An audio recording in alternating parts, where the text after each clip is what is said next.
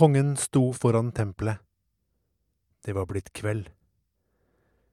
En søtlig, litt kvalmende lukt hang i luften, og han kunne ane en skikkelse i halvmørket der inne, opplyst av en fakkel på veggen. Fem lange dager hadde det tatt ham å komme hit. Nå var tiden omsider kommet. Oraklet var rede for ham. Han skulle endelig få svarene han så sårt trengte.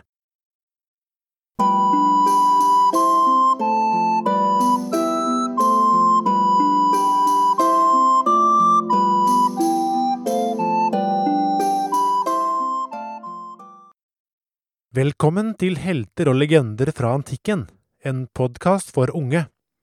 Episode tre Berømte greske guder og oraklet i Delfi.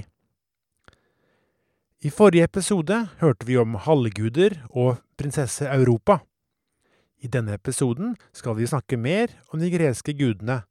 Blant annet skal vi høre sammenhengen mellom klesmerket Nike og en gresk gud. Vi skal også få vite hva et orakel er. Men aller først må vi ta i bruk et nytt ord, nemlig mytologi.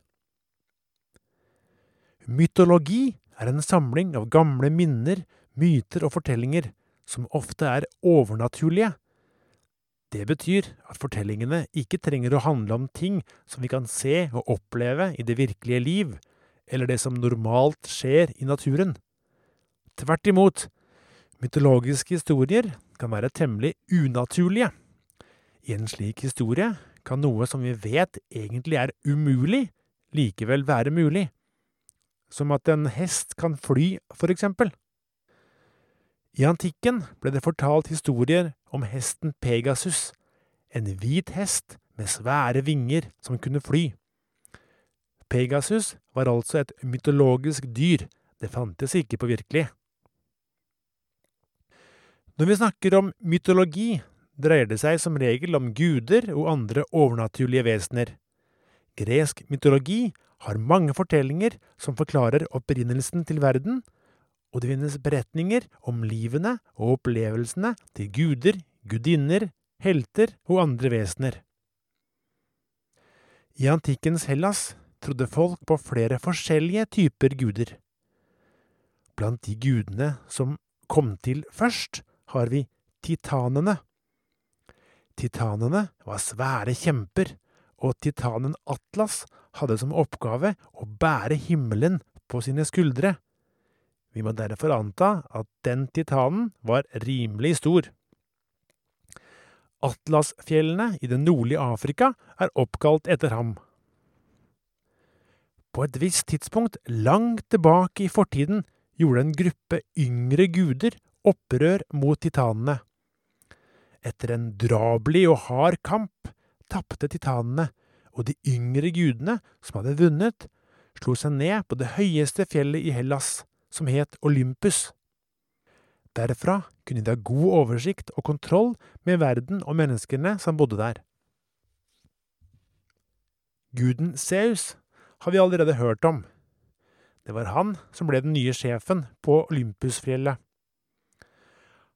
Han var gudenes konge, gud for himmelen og torden, og ble kalt far til guder og mennesker.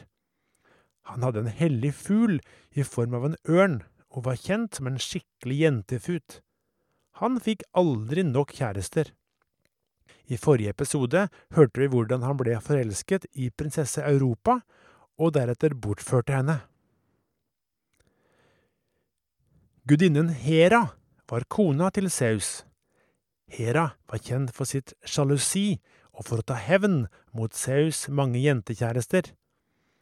Men på statuer fra antikken ble hun ofte framstilt som majestetisk og høytidelig, ofte på en trone, så mange mente nok at hun var en flott og viktig gudinne. Ares var guden for krig og sønn av Saus og Hera.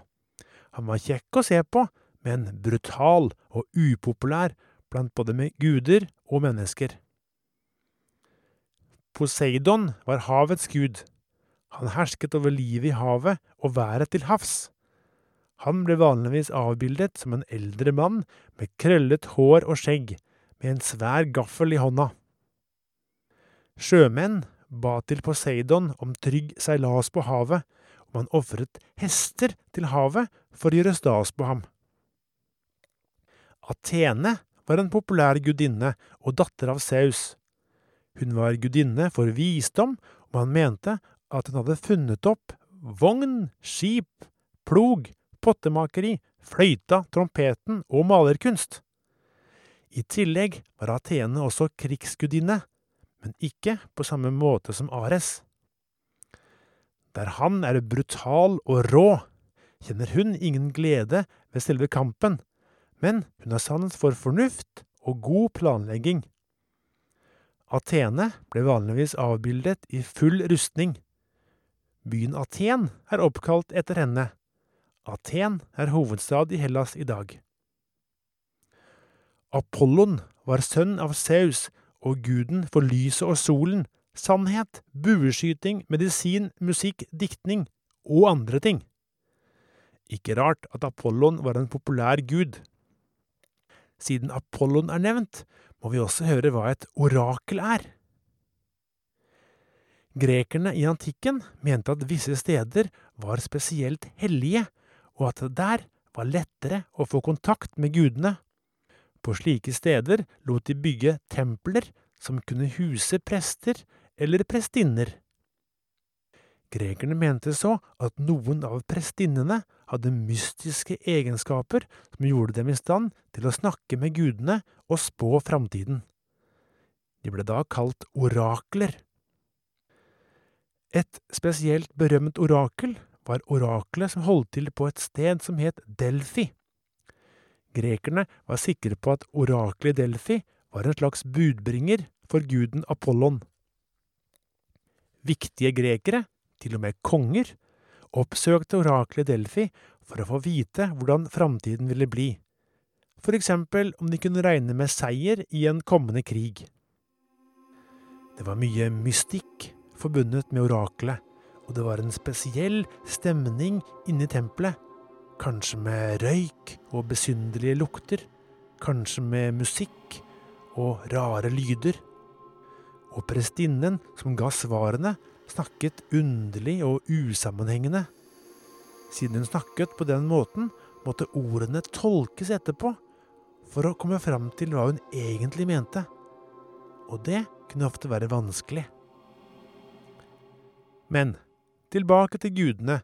Det er et par til som du også må høre om. Nike var gudinnen for seier og ble ofte avbildet med flotte vinger på ryggen. Hun fløy over slagmarkene og belønnet seierherrene med ære og berømmelse. Det var populært å bruke bilde av henne på mynter. På engelsk uttales Nike Nike, og da kan de jo gjette hvor den verdensberømte produsenten av sportsutstyr har navnet sitt fra. Som du sikkert har skjønt, klesmerket Nike er oppkalt etter seiersgudinnen Nike, og det er jo passende for et merke som brukes i sportskonkurranser. Du kjenner kanskje noen som heter Nicolas, Nikolai, Nick eller Nils?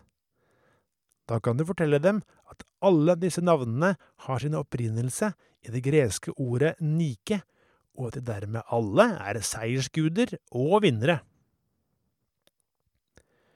Gudinnen Afrodite må vi også nevne. Afrodite var guden for kjærlighet og fruktbarhet, og hun, var sannsynligvis den peneste av de kvinnelige gudene. Hvis du var forelsket og trengte hjelp for å få den du var forelsket i, til å bli forelsket i deg, var det nok lurt å gi en gave til henne. Det fantes mange guder i antikkens mytologi, og jeg skal bare nevne én til, og det er guden Hades. Hades var herskeren over dødsriket, også kalt underverdenen. Han var en fryktinngytende og fæl type, og broren til Saus og Poseidon. Det fortelles at en gang skulle de tre gudebrødrene trekke lodd om hvilket område de skulle ha herredømme over. Saus fikk himmelen, Poseidon fikk havet, men Hades mottok underverdenen. Av tre muligheter fikk Hades altså det minst attraktive. Kanskje det var derfor han ikke var så veldig trivelig. Elva Styx utgjorde grensen mellom jorda og underverdenen. Vannet i Styx hadde mirakuløse krefter og kunne gjøre enkelte mennesker usårlige. Ifølge en legende ble krigerhelten Akilles dyppet i elven da han var barn, og han ble dermed usårlig, unntatt i hælen som moren hans holdt ham fast i. Det skulle vise seg å bli skjebnesvangert under en krig som du skal høre om i en senere episode. I gresk mytologi finnes det en mengde fortellinger med gudene i viktige roller. I noen dreier det seg om kjærlighet og forelskelse. I andre er det svik, hevn, krig og grufulle kamper som står i sentrum. Og som vi hørte i første episode, vi kan takke innføringen av et godt alfabet for at vi kan høre disse historiene i dag. Et godt alfabet er viktig for å bevare historier for ettertiden. Eller sagt på en annen måte, et godt alfabet er alfa og omega for å bevare historier for ettertiden. Dette var alt for denne gang. I neste episode skal vi høre fortellingene om to forferdelige monstre, Tyfon og Minotaurus. Begge kunne skremme vannet av noen og enhver, så det er bare å glede seg. Ha det godt!